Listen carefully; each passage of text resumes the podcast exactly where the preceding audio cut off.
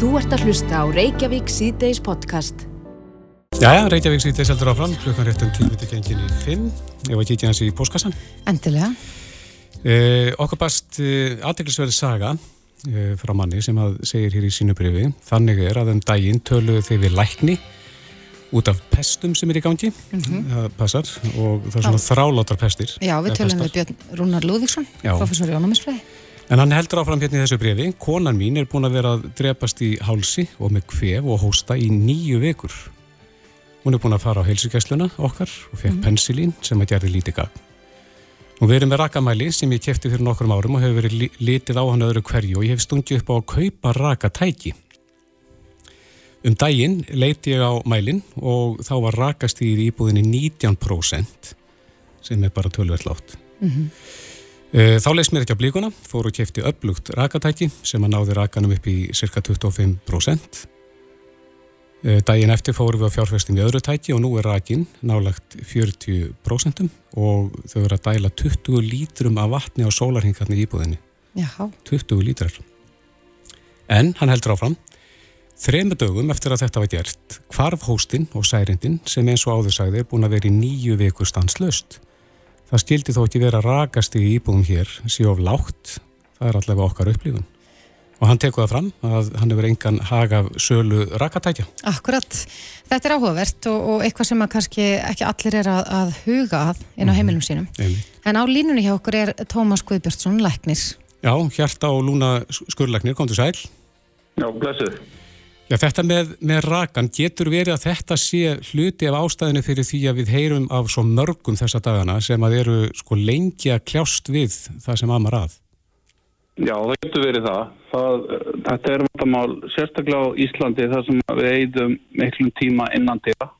Mm -hmm. Og þetta er aldrei snúið makkan sko, því að eins og við veitum þá hafið þið séð allar þess að fréttir af miklu í skólum og ofenbörum byggingum. Þetta er sérstaklega byggar sem eru byggðar uh, svona í 1970-2000 mm -hmm. og þar, þar er, hefur místekist svona í rauninni uh, álítið að, að, að hérna í rauninni það er ómikið raki inn í þessum húsum vegna þess að þau eru einangruða mikið þannig að handast raki inn í húsunum ómikið raki. Og þá getur mikla eða örfeppir eða annar svona gróð násur á stryk og, og aldrei óskunda meðal hans undan að fara enginum En svo er það líka velþægt of lítill raki. Það er hinnendin.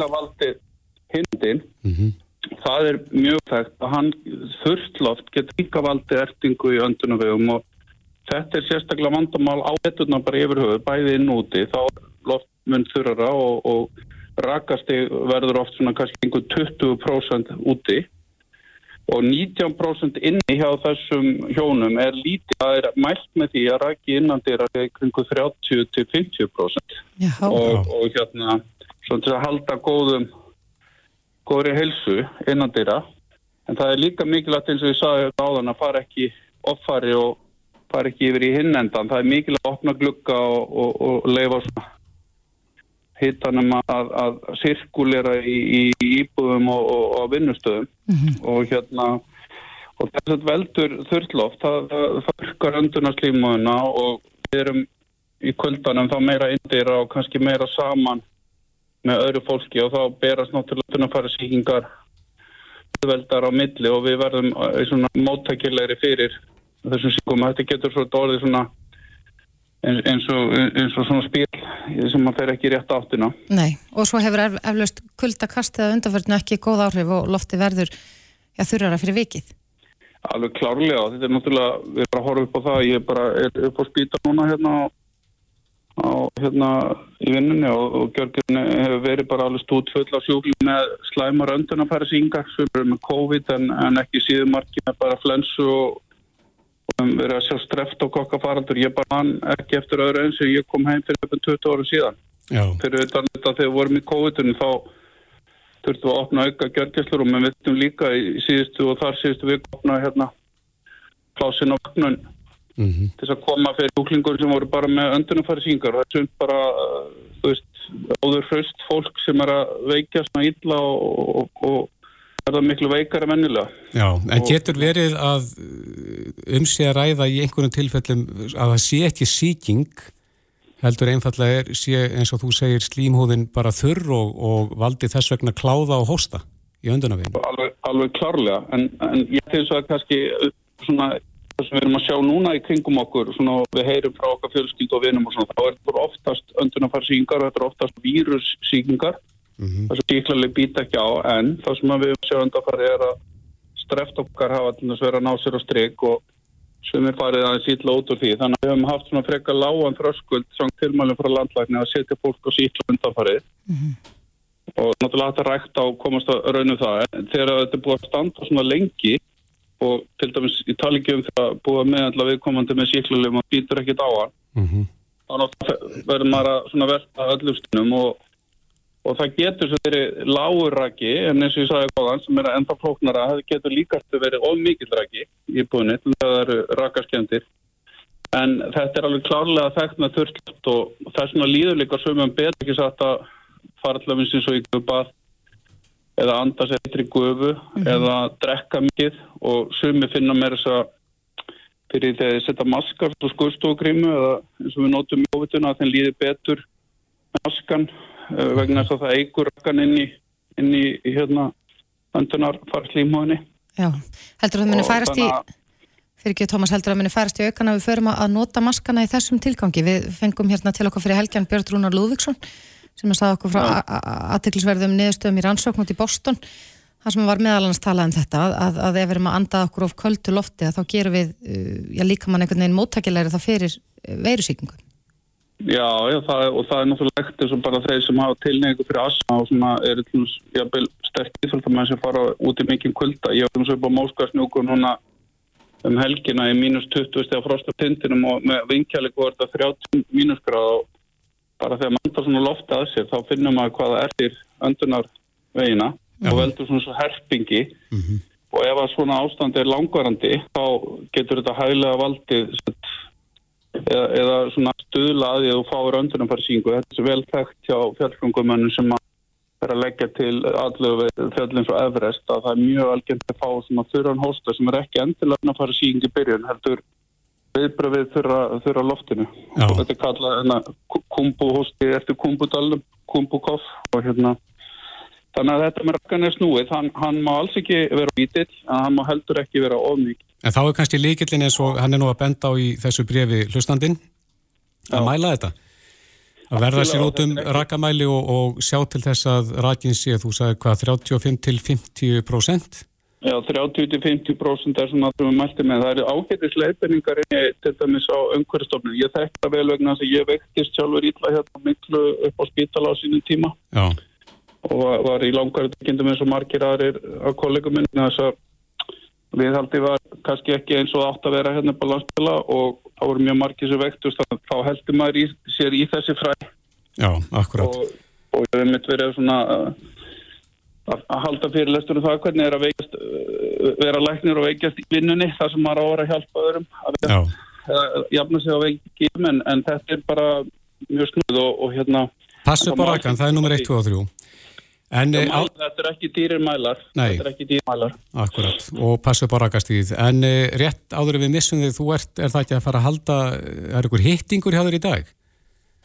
Sem að tengist reyndar ekki læknisvæðinni Já, við ætlum að tengja við lænsvæðina reynda líka en, en það er hérna statur í Íslandi Spadendi heitir hann, hann hefur nú leðsagt 280 Íslandingum í nefn fleiri en okkur annar sérfi og er með fólki alls með leðangra þar eh, erfiðar og öðuldari mm -hmm. meðal annars með Vilborg Örnu þegar hún fór í sína visslaðungra og John Snorri og fleiri.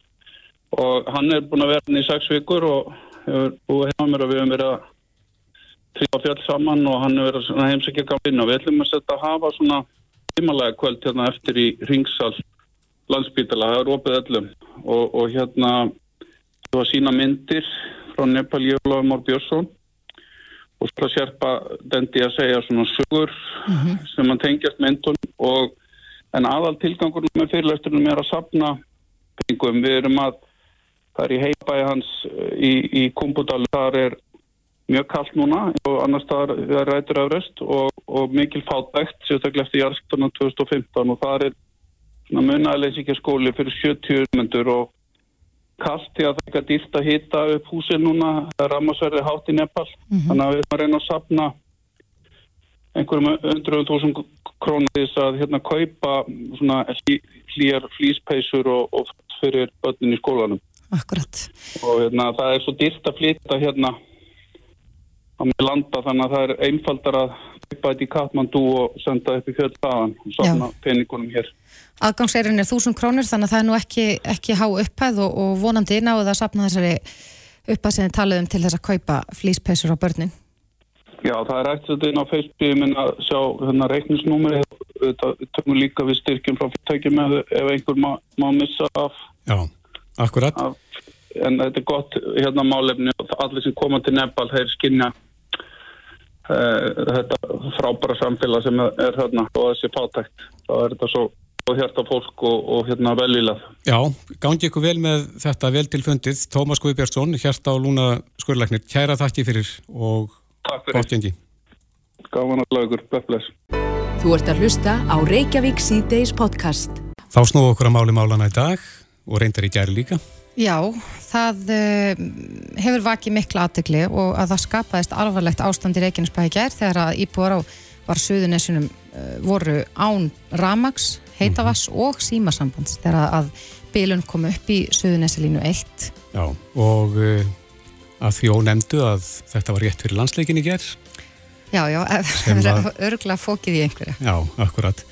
En þetta svolítið eh, sínd okkur hvað þetta kerfi er viðkvæmt uh, og við ætlum aðeins að ræða þetta hér við tvo aðeila sem að koma að þessu máli.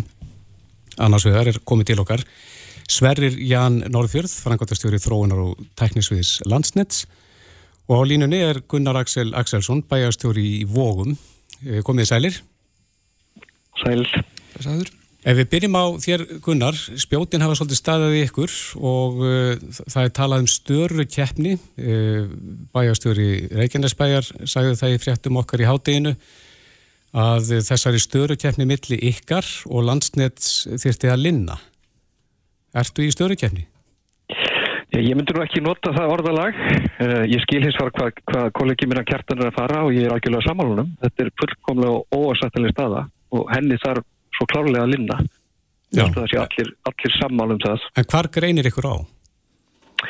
Já sko, ég kannski vil byrja á því að segja að, að þetta er auðvitað ekki ný staða og, og það skiptir bálega að hafa það í huga verkefni Söðnarselína er búin að vera í burðalinnum í bráðum tvo áratví og það eru auðvitað allt of langur tími þegar við erum að ræða svo mikilvægi innviði sem að rávorkonfluttískerfið er mm. það varðar auðvitað ekki bara einstaklega sveitarfélag eins og sveitarfélagi voga heldur samfélagi heilt og eins og bentu við á í rauninni þjóðarhag Um, ágreiningurinn, ef að, ef að kalla maður ágreining, hann hefur fjallað í rauninu um það að sveitarfélagi hefur allt frá upphafi lagt áherslu á það að ef að það reyndist raunhefur kostur, þá veldi sveitarfélagi að fara þá leið að leggja uh, háspennulínuna í jörð. Um, Landsnett hefur hins vegar verið á algjöru öndverður í skoðun, allt frá upphafi og heldur henni algjörlega til streitu um, og það kannski má segja að, að nýverum standi í kunni en þá í dag.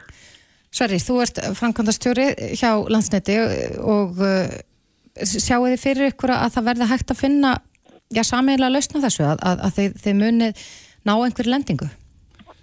Eins og nefnir, sko, þetta er uh, verkefni sem ásett törfult langan aðdrahanda og hérna, og það er held ég ekkert verkefni sem ég bara mann eftir eða veit um, fengi ég mikla umfjöllun og, og verið rauninni rannsakað og skoðað eins mikið í kjölinu og eins víða mm. og þetta suðunisilinu tvöverkefni þar á meðal talið farið í mat- og umhverjusárum í tvívegis og ímsar uh, sérfrængar komið að meta náttúruva á kostnað umhverjusáhrif og svo framvegis og hérna og, og þetta er fagleg vinna engungu sem við erum að fara í bara gegnum öll efnisatriðin. En hvað er því til fyrirstuð að leggja til jörð?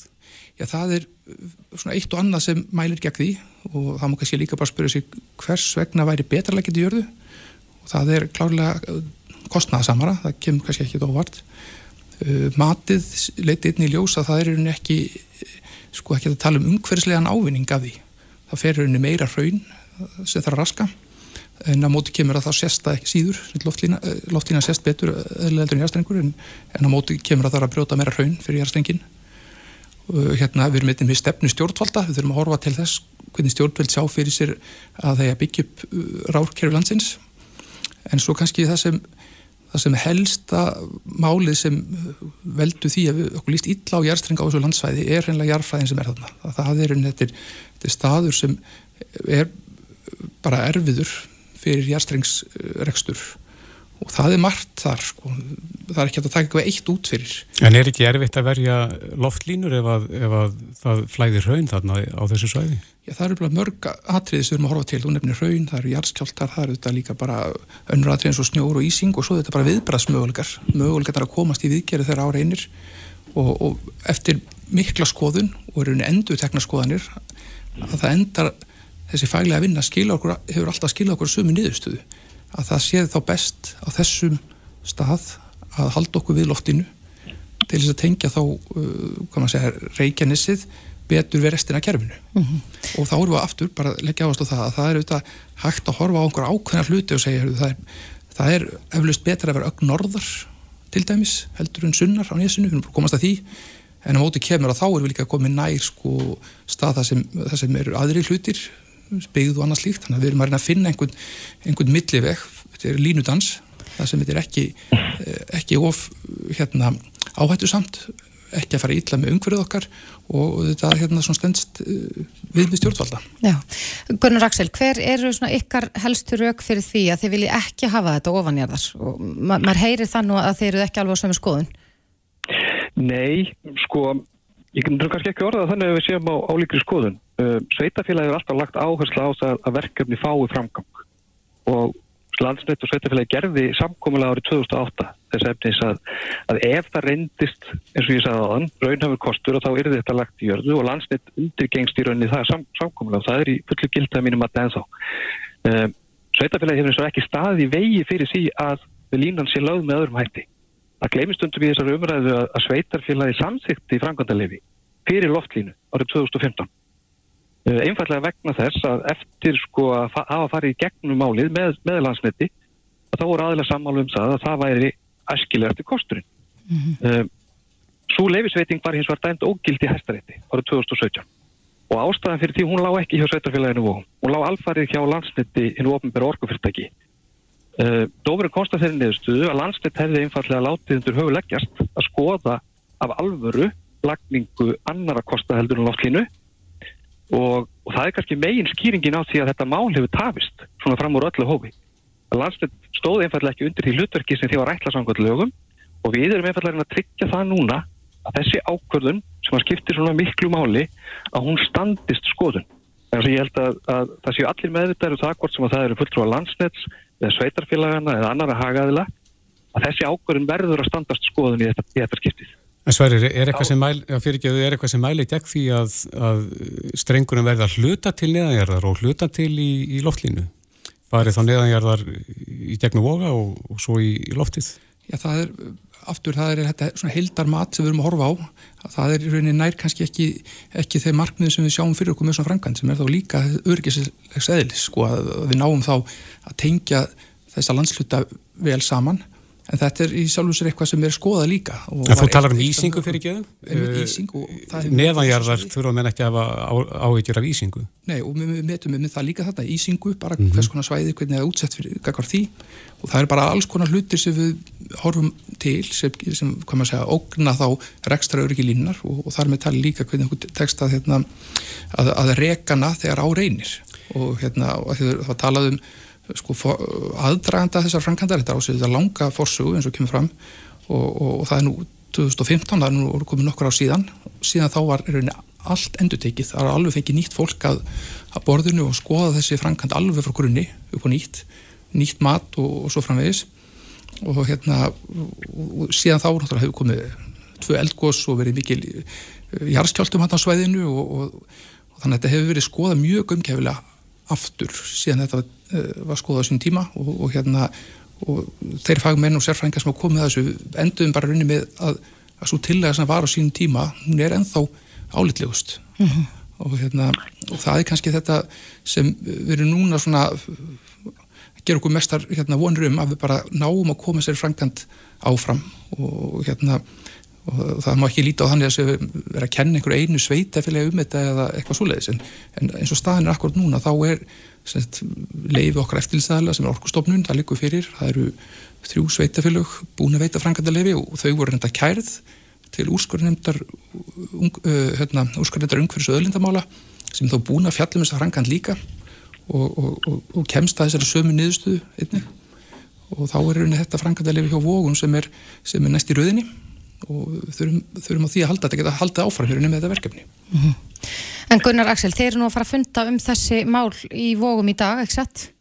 Síðar í dag? Er rétt og það er sjálf og sér uh, hérna engin tilviljun og hefur ekkert að gera með, með, ja, með þetta atvik í gær uh, eh, skipurslend fundar reglulega uh, í hverju mánuði og það er reglulegu fundur hjá hún í dag og það er svo sem leiði fyrir og við höfum alveg fundið ádreifanlega fyrir þrýstingi meðal annars frá landsnetti og undarförnum dögum og vikum sem hafa, já ég vil bara lega mig gengi fram með, með ísna hörðum áróðri uh, kakvart sveitarfélaginu og beitt okkur talsverðum þrýstingi um, en, en málið er til umfjöllunar í dag og það er bara í lögbundu ferli. Mér langar til að benda á vegna þess að, að, að, að það bent hér á að hér auðvitað hafa aðstæðu breyst mjög mikið frá því að umsók landsnets var lögð fram árið 2020. Mm -hmm. uh, við þetta stöndum fram í fyrir allt öðrum fórsendum hvað varðar jarðfræði uh, svæðisins.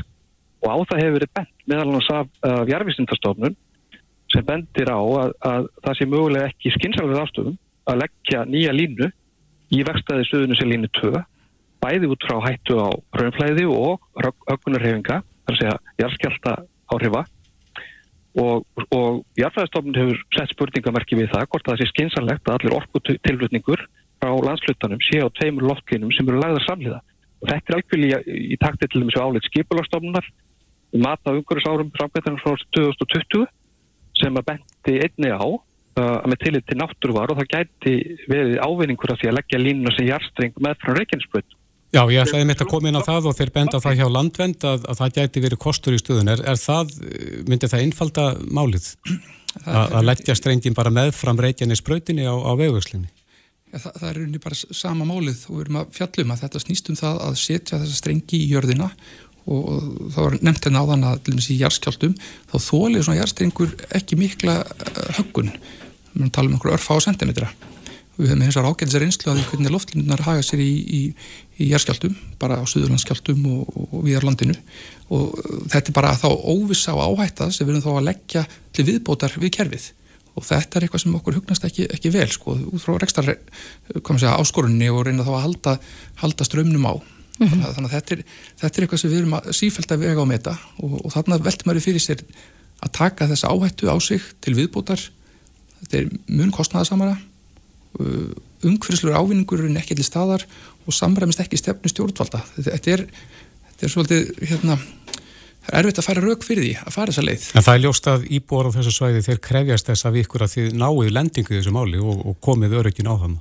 Já, það er klárlega þannig að það þurfa að, að ná einhver, einhver nýðustæði í þetta mál. Þetta getur ekki verið svona árum saman, það er nokkuð, lust. En eins og Gunnar Axel bendir á að það hefur auðvitað margt breyst á undanförðum árum eftir að byrja að gjósa uh, í, í uh, fardarsfjalli.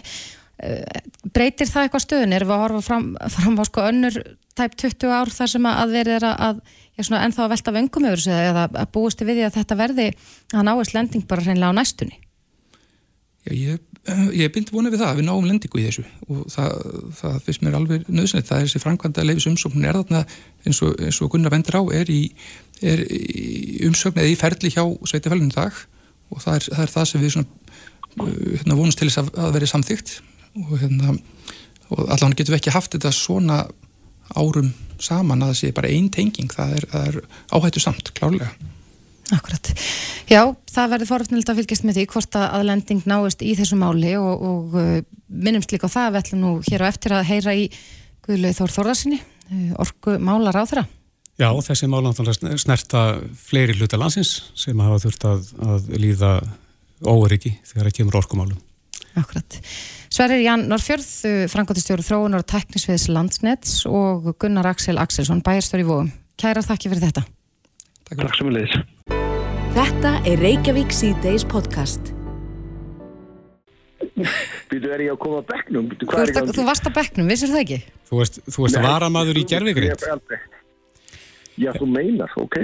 Herði, en í það minnst að þú ert komin hérna í beina útsending á bylgjunni. Sæl, þú talar þetta ekki frá Sviss? Jú, jú, jú, jú. En... Sko, staðið svo skýði. Já, en uh, það er mikið rætt í dag, Guðlegu Þórum, uh, raforku ör, öryggi og þú ert orkumála stjóri, eða þar að segja orkumála ráþeira, ætla ég ná að segja. Uh, hver, hvert er þitt mat á þessari stöðu? Sko bara svona í, í hreinskilni þegar kemur að öryggismálum, hvort það er þjóðaröryggismál eða orkuöryggi, þá eru við Íslandingar stundum svolítið börn og uh, við verðum að uh, taka þetta uh, að meiri festu en við gert áður mm -hmm. við, og það segir henni og kannski að það ekki bara myndið okkur en ástæðan fyrir að þýra að taka við við með íttal núna át af þessu mikilvæga málefni er vegna þess að það var ramast mm -hmm. og en það á ekki að þurfa ramasleysi til þess að við séum að huga að þessum þáttum. Við erum með mjög, og það er góð pólitísk samstæði, samstæði með þjóðarnar, mjög fallega framtíða sín sem algjörlega raunhæð og við höfum gengið og höfum notið góðs að slíkri framtíða sín í, já, hvað, alltaf í hundra ár sem gengur út af það að við erum sjálfum okkur nógu morgu og uh, það fyrir það að þegar að sæðilegir atbyrði gerast eins og í Evrópu þegar að rúsa ráðast inn í Ukrænu og, með tilhengandi aflegu fyrir orkuverð, þá finnum við mjög lítið fyrir því. Og uh, við viljum ganga skrefin lengra og vera bara, bara vera með íslenska uh, sjálfbæra endurnýjanlega orku á öllu okkar faratækjum og, og því sem við erum ekki notu jarðarnærsteiti núna en sko það er til lítils að, að ætla sér þetta og ætla að gera þetta ef það er ekki tryggt að við getum alltaf fengið orkun og það mun alltaf eitthvað koma upp á. Ég er engin Nostradamus því ég segi það mun alltaf eitthvað koma upp á. Við vitum bara ekki hvað og hvernar og e, það er ekkit mál ef við erum búin að búa okkur undir það. En við e, þurfum að gera betur til þess að tryggja orku öryggi okkur Já, þú sagðir rétt náðan að við værum svolítið barnalegi hugsun þegar það kemur að þessu málum. Hvernig stýrur það? Ég bara skýri að þannig að e, sko hljóð og mynd far ekki alveg saman. Við okkur finnst sjálfsagt að geta gengið orkun okkar. En við erum ekki búin að ganga þannig fram að við getum tryggt að þegar áföll komu og það verða allt áföll. Og áttum okkur því að við eh, sko njótum góðs af því að búa á Íslandi sem er svona svo eh, eiga sem er mesta eldfjalla virkni svo við tökum eitt dæmi í heiminum og njótum góðs af því að þá erum við heitt vatn sem aðri hafa ekki og, svo framvegs en uh, náttúruváin er eitthvað sem að fer ekki frá okkur. Mm -hmm. síðast í jæfnskaftin er ekki komið, síðast elgós er ekki komið og þetta er ekki alltaf eitthvað krútleg uh, túristakvost, Þa, það liggur alveg fyrir. Uh, við erum ekki búin að sjá síðustu ofanflóðin og svo getur ég haldið áfram. Og, uh, og þá þurfum við bara að bú okkur undir það. Akkurat Besta hagfræðikenningi sem ég hef hirt er í biblíri nota sjö mögur ár, nei, góða, sjö góða ár til að bú okkur undir sjö mögur En við Íslingar þurfum að nýta 70-700 góð ár til að búa okkur undir uh, mörg ár framöndar. Sko. Akkurat. En, en það var nú sagt fyrir því og, og hefur verið mikið talað um það. Það var, já, Suðunessin voru án Ramags, Heitavas og Símasambands og, og bæjarstjóri Reykjanesbæjar. Já, hefur hreinlega sagt að þetta, þetta ég geti varða þjóðar öryggi. Ertu, ertu sammála því þegar svona stór hluti, þetta eru 30.000 manna byggð, er án Ramags og Heitavas að, að þetta geti varða þjóðarörgi og sérstaklega þegar að, að flugvöllurinn, allþjóða flugvöllurinn okkar er staðsettur þarna? Það er ekki maður og þannig ertu náttúrulega með eins og nefnir 20.000 hátt í 30.000 mann sem búa þarna.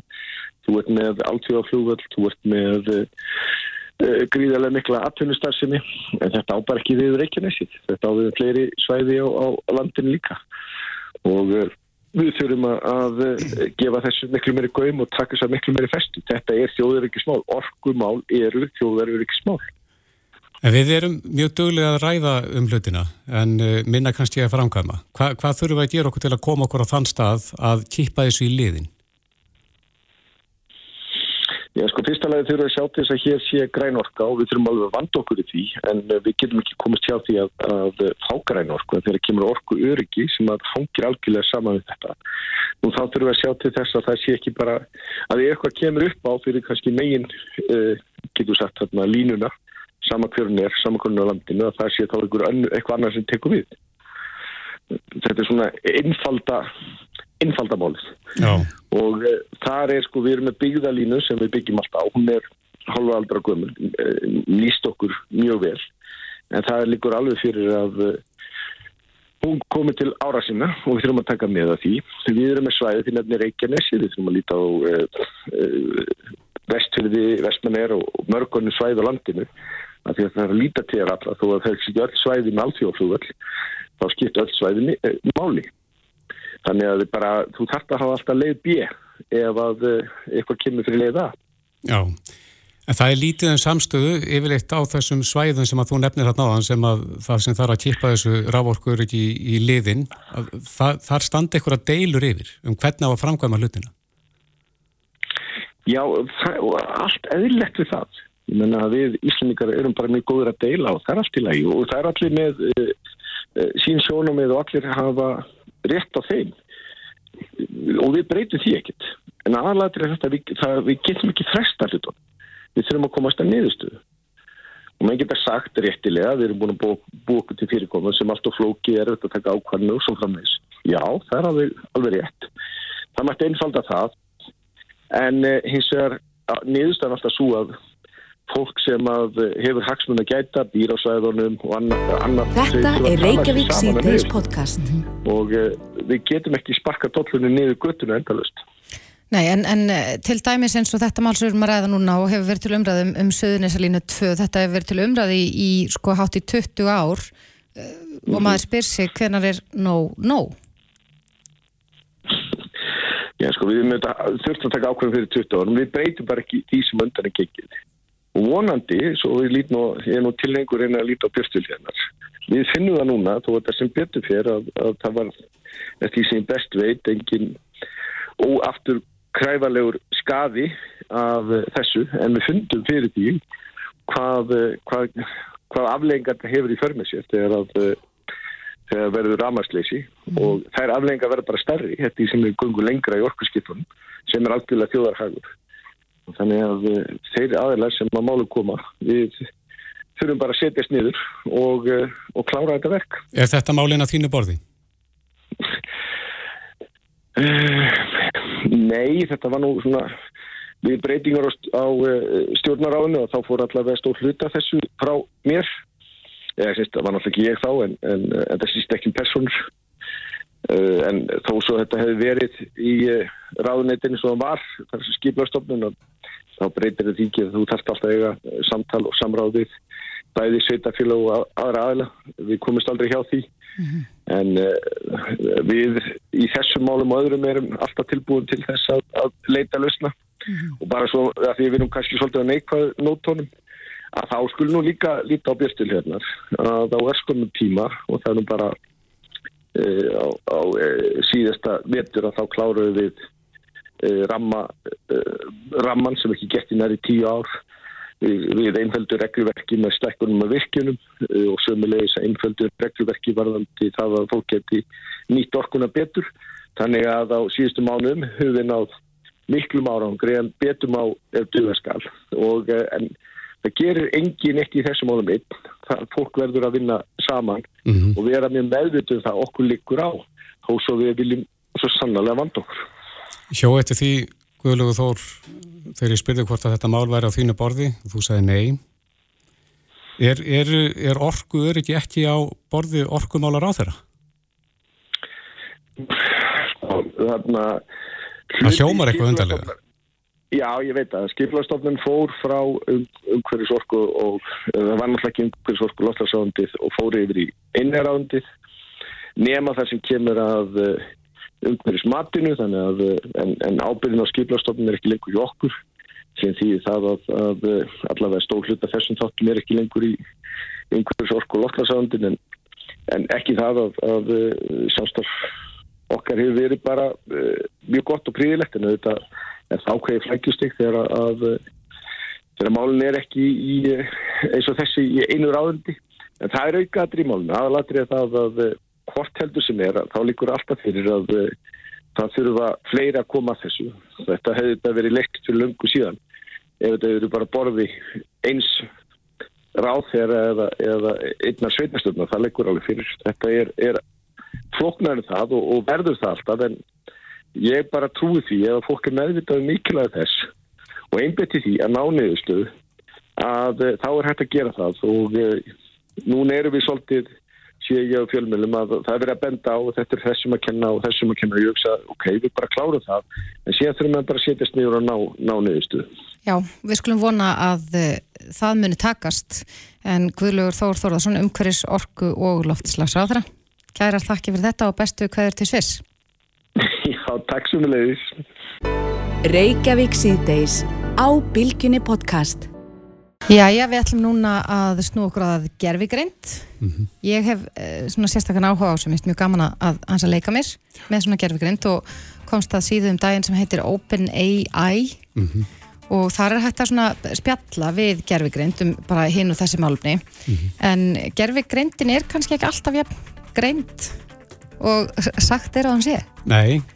Eh, þegar gerfigreindir spurða því hver, sko, hver er Þórtís Valstóttir sem er, sem er ég Einmitt. að þá e, fæ ég upp ansi skemmtilega sögum sjálf mig sem ég bara hef greinlega alveg mist af Já, viltu deila henni með okkur? Já, e, gerfigreindir segir Þórtís Valstóttir og þetta er á ennsku, ég ætla bara að þýða þetta svona jafnóðum mm -hmm. Þórtís Valstóttir er, er íslensk söngkona Já. og uh, lagahöfundur hún er þekktust fyrir að vera söngkona í íslenska rockbandinu Mínus mm -hmm. ég veit ekki alveg hvað krummi segir um þetta Nei um, sem ég, sem sagt, ég byrjaði samkvæmt gerðugrændinni á með uh, hljómsveitana mínus árið 2002 með þér, Kristófur.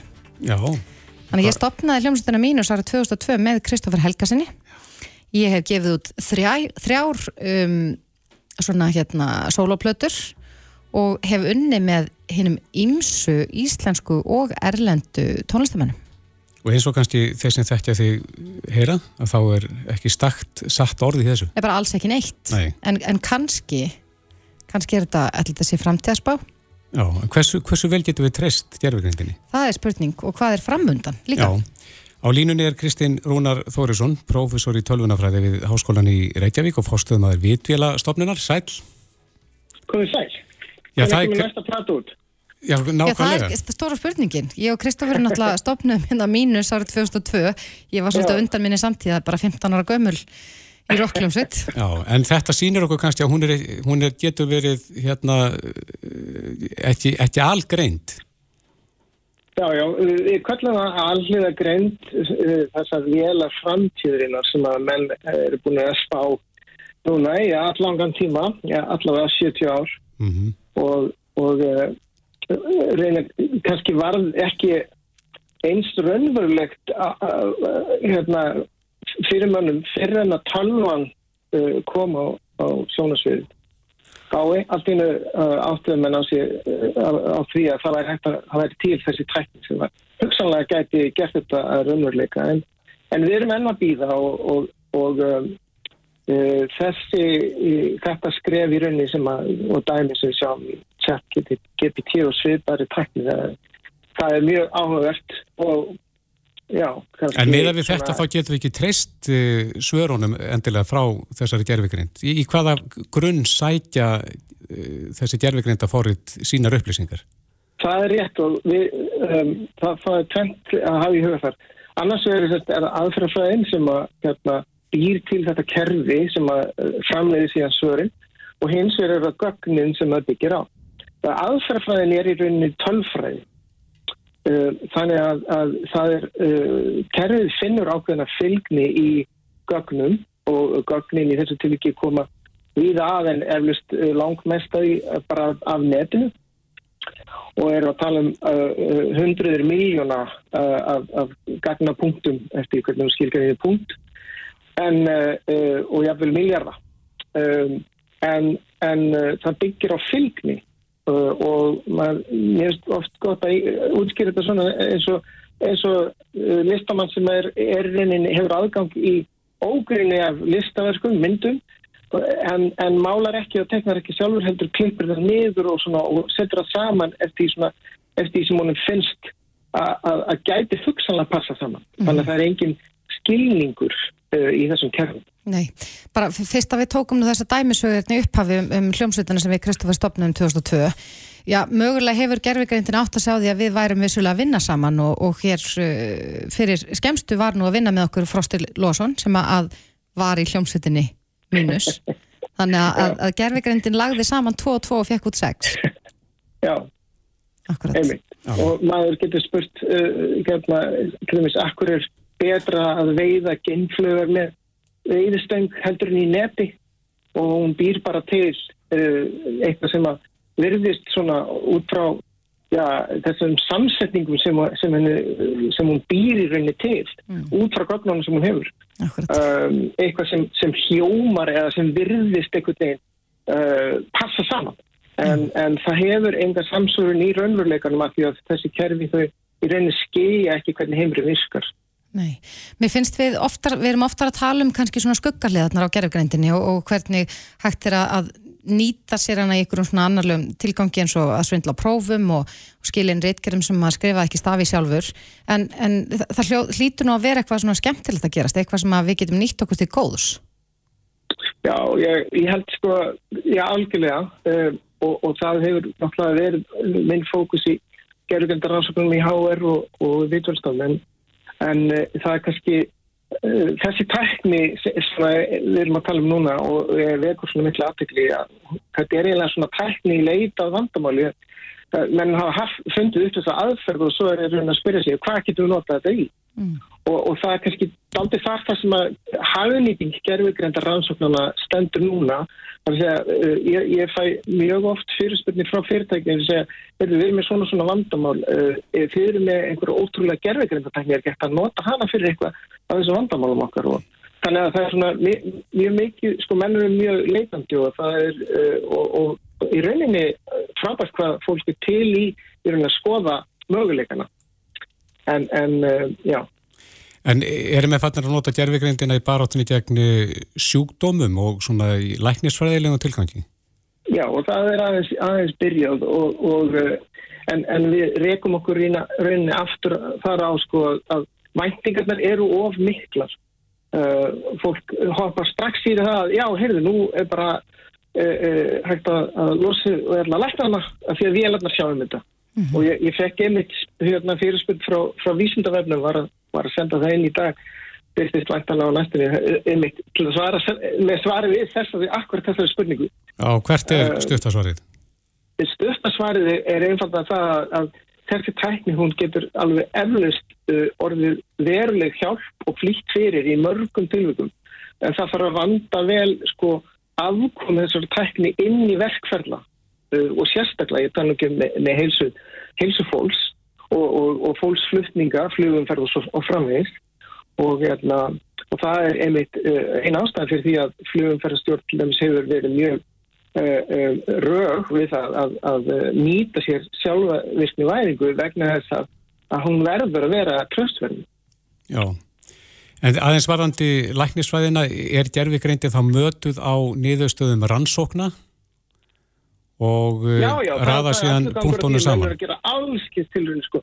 Náttúrulega einn ein þekktasta uh, hérna, hagnýtingin er á, á hérna uh, í ranganmyndum þá er, er, þá eru mötuð á ógrinni gagna um ranganmyndir og síðan sko hvað í rauninni fælst á myndinni þar sé að þá, þá eru vita í rauninni uh, hérna, þetta er ekki þá óþekktar myndir heldur það er vitað að þessi mannskja hún var með eitthvað sjúkdómi eða krafmeina, hvað sem það var mm -hmm. og, og þannig að það er ekkert að segja kerfunum sko, hér er mynd uh, og, og, og hún þýðist þetta og síðan fjál, eru kerfin þjálfuð og þau eru þjálfuð í einum rík þar að segja, maður þarf að vera með öll gögnin til staðs og þau eru þjálfuð en að fara í þjálfunarbúður og svo er í rauninni þjálfunin búinn og kerfið læri ekkert meir mm -hmm. og síðan er það síðan er það, í, í, í, það tengt við þá verkferðlana hjá læknunum og já, við erum í rauninni samt sem áður í að dalga á byrjunarreit. Þetta er mjög spennandi byrjunarreitur og, og, og já, framtíðin er, er björst, myndi ég segja, við höldum þetta skoðum. Já, ég heyrði nú eitthvað tíma sögu af því að, að hægt væri að nýta gerfigreind Já, til dæmis eh, svona spjallmenni, þannig að ef að ég er að tala við spjallmenni og ég, eh, ég síni einhvers konar enkenni þunglindis eða kvíða eða eitthvað slíkt að, að þá væri, myndi gerfigreindin syngja einhverjum bjöllum og, og eh, koma mér já, spórið til þess að fá einhverja aðstóð og það hefur verið talað um það að geðheilbreysvandi sé stærsti vandi, sko, heilbreysvandi samtímans. Sér þið fyrir að væri hægt að nota gerfigreindina til þess að, að hjálpa fólki með andlega kvilla? Ég er eh, mikla vefasendur um að þessi ákveðna tækning um, sé hafið börðuna til þess uh, um, og, uh, og það er meðal ennast vegna þess að eins og þeir sem hafa notað chat GPT hafa kannski fundið fyrir að, að það tekstin sem kemur úr þessu kerfi hann er, hann er mjög svona ábyrðar fullur og, og ákveðin og, og hljóma, hann er mjög svona sannfærandi og trúverður á yfirborðinu. Mm -hmm og um, uh, ég get ekki séð að sko, fyrsta lagi þar félast náttúrulega ákveðna hættur að menn treysti því um of en í öðru lagi sko ef þú ert með góðan sérfræðing á þessu sviði þá vissulega eru langar byðraðis eftir geðhjálp, það er ekki spurning og við myndum vilja finna leiðir til að flýta fyrir en ég er ekki samfélagum um að þetta sé rétt að leiðin ég, ég hins vegar alveg samfélagum að í í helbriðs geranum og, og þá meðal annars ger helbriði að, að það séu tækifæri. En það tekur tíma og, og verulega sko um, já, í rauninni rannsóknarvinnu og fróðunarvinnu að, að finna réttu leiðinar eins og er. Rétt aðeins í lokin, Kristinn uh, þessi spjallmenni og gerfegreindin talar ennsku styrtist ég við já. að hún fara að skilja íslenskuna? Já, já, það er hægt að fá hérna, þetta gerðurkljóðs að, að segja hluti á íslensku og með því að semja íslenska texta og svona, þannig að uh, já, já, það, það er stutt í það en það er gögnin, þetta er alveg magna, gagnamagn sem að vera byggjit á, sko. Akkurat. Já, það er greinlega í mörg horn að líta og, og líka gott að tala um góðu hliðarnar og það, þannig ja, hvernig við getum nýtt okkur teknina en Kristinn Rúnar Þórisson professor í tölvunafræði við uh, Háskólinn Reykjavík og forstuðumar Vitvila stofnunar, kærar þakki fyrir þetta. Takk sem við Reykjavík síðdeis á Bilginni podcast. Já, áframhaldum við í Reykjavík síðdeis það eru þetta, já er ekki nánast allir landsmenn? Nú er ég að íkja kannski en, en það eru rosalega margir að fylgjast með HM einhverju sem gátt ekki fylgst með gerð það var ramagslust á uh, Suðunísju Já, setni álugur enda dattinn held ég. Já. Alveg ég held að það náð, náð því Gaman að horfa á leikin en uh, já, við erum auðvitað að fylgjast með fréttum af heimsmeistaramótinu og það var einn frétt í dag sem vakti ansið mikla aðtegli en það er sagt frá því að íslenski landsleismarkverðin Björgvin Pál Gustafsson hafi sagt í viðtali við stærstu handbólta vefsíðu Svíþjóðar að hann hafi hugsað alvarlega um að bjóða sig fram til forsetta í framtíðinni Já, Björgvin Pál er á línunni, kom til sæl Komið sæl. Er þetta rétt? Stefnir þú á bestastadi?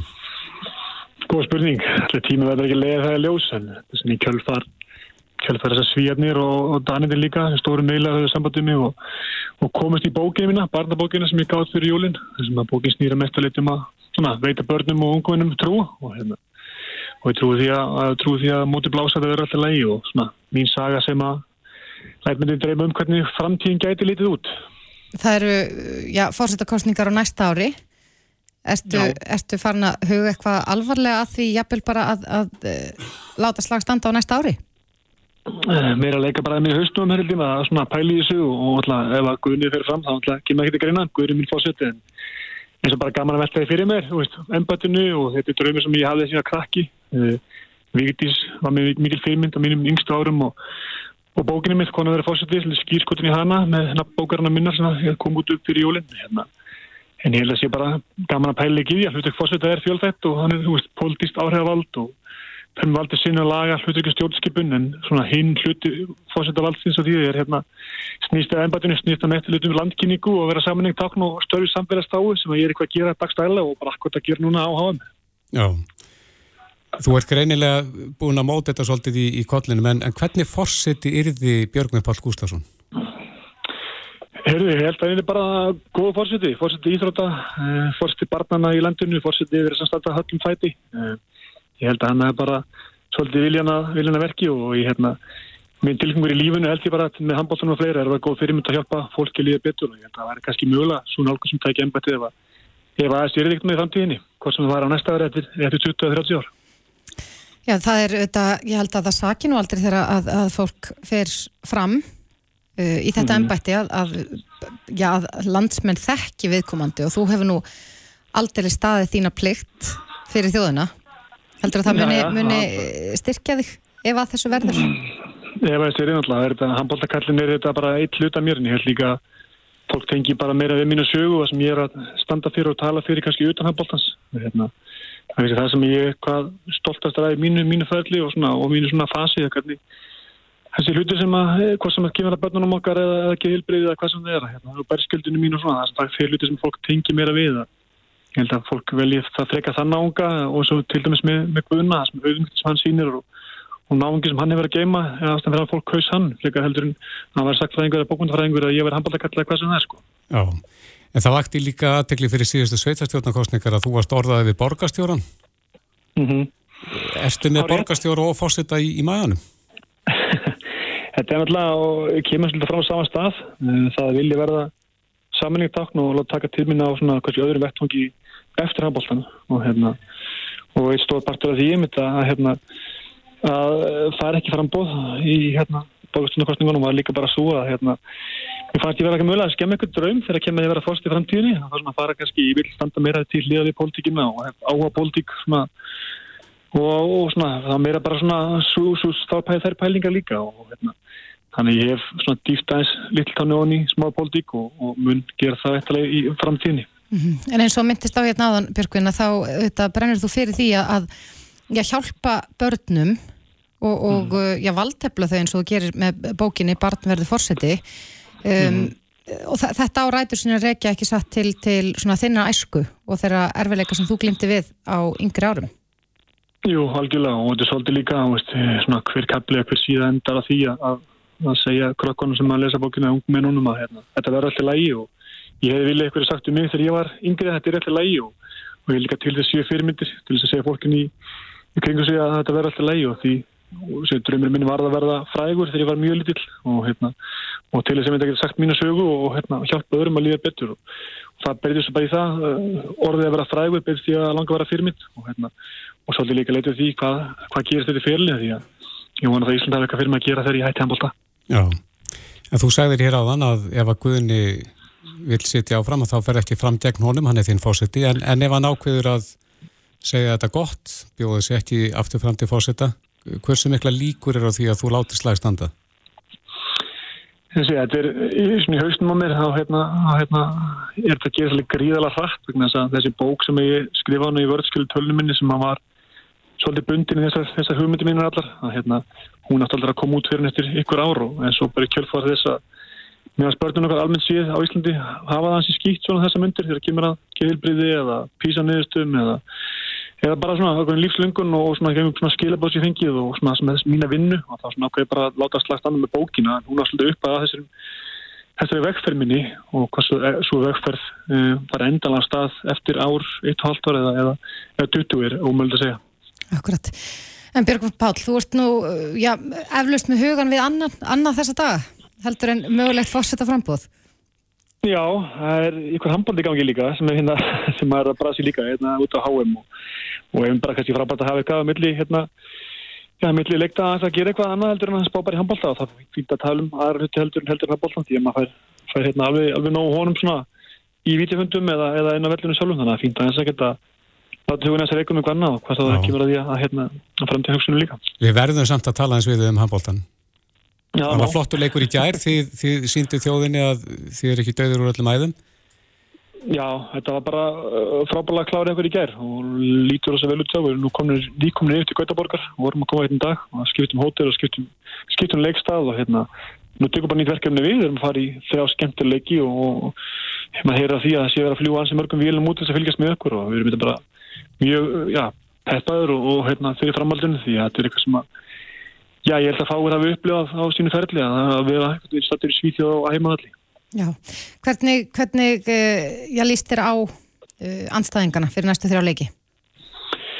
alltaf, við erum svolítið alltaf að spá það í hverjum aðstæðing fyrir sig og næstu á grænhaði er á morgun sem er svolítið óskriða blað hjá bóltanum en eru komin í millir yfir og, og hérna hróskili fyrir það og mjög svona öðruvis handbóltalið uh, já, svolítið viltir og hérna og, og virkilega góði skotmenn, það verður mjög áhugavert og beint í kjöldfara því alltaf tekur við eitthvað það er leikur sem ég hef tekið þátt í mögulega það eru er svíjarnir á, á þeirra, þeirra heimaðalli það sem mikið verður undir og líklega. Þannig hérna við erum þetta bara svolítið að taka eitthvað fyrir innu en þetta er þryggja, þryggja leika prógram sem þarf að, þarf að fara hansi vel við ætlum að, ætlum að komast lengra.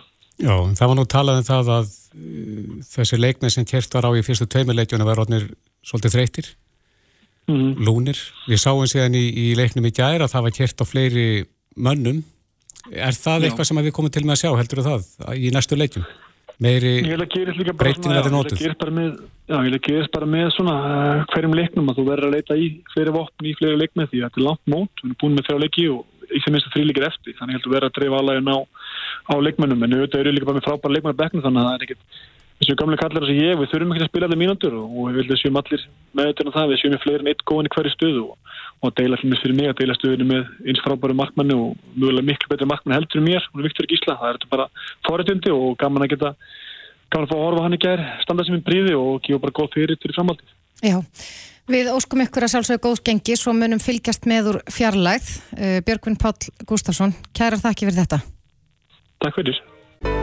Hlustaðu hvena sem er á Reykjavík C-Days podcast. Þessi komu hér tónleika á Íslandi 2004, þetta er Ís, Pink. Íslandsvinnur. Íslandsvinnur. En uh, að því vorum að ræða hérna áðan við Björgvin Pál Gustafsson, uh, landsliðsmarkmann sem er að standa sér vel núna á HM. Mm -hmm. Hann var að ræða uh, mögulegt fósitaframbóð og sagði að ef að Guðinni fyrir ekki fram að þá ætlar hann að íhuga það alvarlega að bjóða sér fram til fósita. Akkurat. Og við ætlum að spyrja um þetta næsta sólaringin. Já, við erum að, að í þessum tölu orðum að setja inn könnun. Hún er komin inn. Hún er komin inn, alltaf verðt að einu skrifa undan með Kristoffer. Getur þú hugsaðar að kjósa Björgvin Pál Gustafsson sem fórseta Íslands, er spurningin? Já, það verður uh, spennandi að sjá niðurstöðunar þessari könnun. En uh, nú standa yfir læknadagar í já. hörpu og dagskráin er svo sannarlega, já það er rosalega margt að gerast þarna, en það verður málþing sem verður opið almenningi mm -hmm. sem að snýr að nikotín púðum en e, málþingið eh, ber heitið nammi bar með nikotíni Já, í hvað eru menn að vísa með því? Já, það er, er spurning, það eru þetta vel þekkt að, að þessir nikotín púðar koma í, í ymsum, með ymsam bræðtegundum. Mm -hmm þannig að, að sömur getur litið á þetta sem einhvers konar namibar Já. og þetta er auðvitað orðið uh, miklu algengara hér á landi heldur en það var fyrir skemstu Einmitt. Við vorum nú að ræða bara einn í síðustu viku og maður sér nú mjög sjaldan sem betur fyrir fólk reykja nú til dags mm -hmm. en uh, hins vegar er bara já, ansi margir sem að nota nikotín púðana Já og, og krakkar ég vil að byrja mjög snemma mm -hmm. eh, Lára ekki Sigurðardóttir Læknir og doktor Líðhelsuvísindum eh, mun halda fyrirlestur og þessi fyrirlestur er opinn held í almenningi á morgun, annar kvöld. En Lári er á línu, kom til sæl. Já, komið sæl, blessur. Já, þú ætlar að ræða, er það ekki áhrif nikotíns á börn og ungmenni? Jú, mikið rétt. Þannig að ég ætla að skoða svolítið líka um, hvaða áhrif nikotín getur haft á ófætt börn mm -hmm. og ungbörn. Þannig að uh, þegar mæður og neyta þess til dæmis á meðgöngu eða með að vera með barna brjósti. En rannsóknir sína að eh, nikotín mælist í raun í hæri styrkleika í legvatni heldur henni í blóði hjá móður og uh, í þrefald hæri styrkleika í brjóstamjölk móður Akkurat. heldur henni í, í hérna e, blóði hennars Já, þannig að það er búið að sína fram á það að þetta, já maður getur nú ekki ímynda sér að það hefði góð áhrif að, að nikotín mælist í, í einhverju magni í legvatni hjá, hjá móður? Nei, mikið rétt. Að við skoðum í raun bara hvað nikotín er að veltum því fyrir okkur veist, hvaða efni er þetta sem að börnun okkar er að innbyrða? Nikotín er í raun bara tauga eitur þannig séð sem að er skortýra eitur og, og plantan hérna, nikotínplantan framleir til að, að verði sig gegn skortýrum þannig að nikotín var nota sem skortýrætur og hreinsefni alveg í hérna Evropu uh, sambandinu til 2009 og þá var það bannað því að það var sínt fram á það bærist í matvæli. Þannig að við erum ekkert með neina vennulega neysluveru sem börnun okkar er að komast í. Nei, og hvaða áhrif hefur þetta á, á börnin? Sko, það er góð spurning. Máli er bara að hann alltaf lengst að við búum að rannsaka mest í sambandi við tóbaks eða síkarettur. Ég vil nú reyndar hérna taka fram að ég myndi vilja flokka nikotín sem tóbak af því það er svo náskilt nikotínplantinni þannig að tóbak kemur. En um, um, en þannig að við veitum mikið út frá sigarettur reykingum en nú er að koma fleiri og fleiri rannsóknir fram sem sína um, svona að gefa okkur vísbendingar um og sérstaklega þá frá dýrarannsóknum sem eru svona fórklíniska rannsóknir því að ekki er verið að gera rannsóknir bynda og, og, og, og segðilegsta á börnunum. En uh, sem sína okkur það að þetta hefur mikil áhrif á taugakerfið og uh, ég raun ruggla svolítið í tauga bóð efnum heilans sem að tengist þá bara lærdómi, svefni, uh, streytustjórnun þannig að uh, þau verða kannski fyrir pyrraðri og eiga erfitt með að, með að handla tilfinningar sínar. Um, líklega er til að finna fyrir kvíða og vannlíðan þannig að það gleymist ofta að sko með nekotínu að fólk sækist ofta í það til að fá meiri orku og kraft svona til að byrja með eh, meiri einbyrtingu en svo fer uh, til lengri tíma liti þá fer það meira snúast um að sko að komi vekk fyrir frákvæmsenginin mm -hmm. Því að þú veist jákvæða áhrifin verður alltaf minni minni Já, en þetta sem hún ræðir, öll þessi áhrif sem þetta getur haft á börn, á þetta við um um, já, börn maðra sem hafa notað nikotín og meðgöngu á meðan á brjóstakjöf stendur eða er þetta aðalega þá, já, börn eða ungmenni sem að nota sjálf nikotín? Í raun bæði, af því að þetta er náttúrulega heilin er að hjá okkur að þroskast eh, til 25 ára aldur og þá eru mikið að tögatengingum að myndast og það tali svona, þú veist, þetta viðkvæma eh, hérna, eh, tala um að þessi viðkvæmt skeið þarna í móðukviði og svo ungbarnaskeiðið og svo líka sérst aftur 12 til 17 ára aldur þegar það er mjög mik mikil myndun tögatenginga í heilanum á sér stað.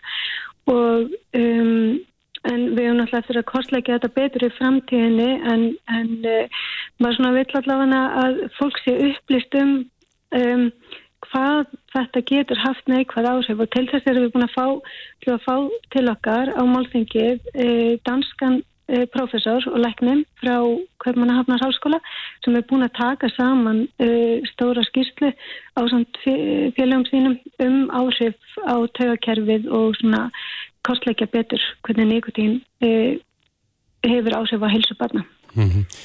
Það er ímest konar fíkn til, Lára. Er, mm -hmm. er nikotín fíknin, er, er hún uh, sterkust? Já, það vilja margir meina það og það sem að er, ég sko, það er náttúrulega líka einstaklingsbundi, við erum náttúrulega misnæm fyrir því að verða háð efnum og en það sem við veitum núna alltaf betur og betur og rafsíkaretunar hafa sínt okkur er að þegar sérstaklega ungur heili eða ung taugakerfi eða ung manneskja fær mikið magn af nikotínu á stundum tíma að þá myndast fíknin saðar og meiri mm -hmm. og það er akkur það sem að sko með tiggjóin hérna nikotín tiggjóin voru kannski 24 milligram síkaretunar voru kannski með 12 milligram að þá eru púðarnir voru hérna áður en að reglugjari koma og hægt að kaupa eflust á netinu upp í 60 milligram. Þannig að þú ert að fá alveg gríðarlega mikið, getur verið að fá gríðarlega mikið magt á nikotínu á stundum tíma sem að eigur líkur að mitt á fíkn og þá þessum uh, röskun eða tröflun og taugabóðefnum í heilanum. Akkurat.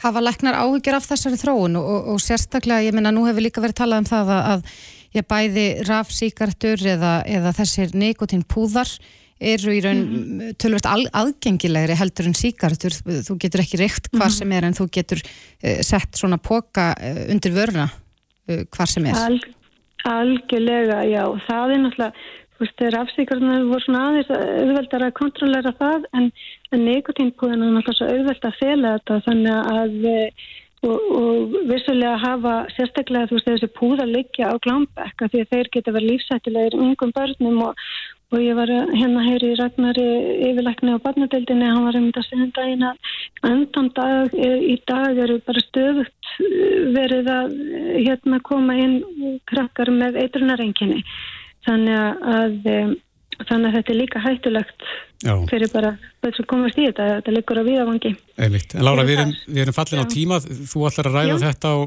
já, með almenningi almenningi gefst kostur á að, að heyra eitthvað framsög á morgunni, það ekki? Jú, endilega, klukkan 8 annarkvæld, allir sem vilja kynna sér þetta betur, þetta verður bara svona rúmu klukkutími Hvar? og allir velkomnir þannig að Hvar verður þessi fyrirlestur? Í hörpu Í hörpu Já uh, Kæra þakkir fyrir þetta, við skulum vona að fólk síni þessu áhuga. Lára G. Sigurðardóttir, mm. læknir og doktor í Líðhelsu vísendum. Takk, takk. Já, takk kærlega fyrir spillit. Reykjavík síðdeis á Bilginni podcast.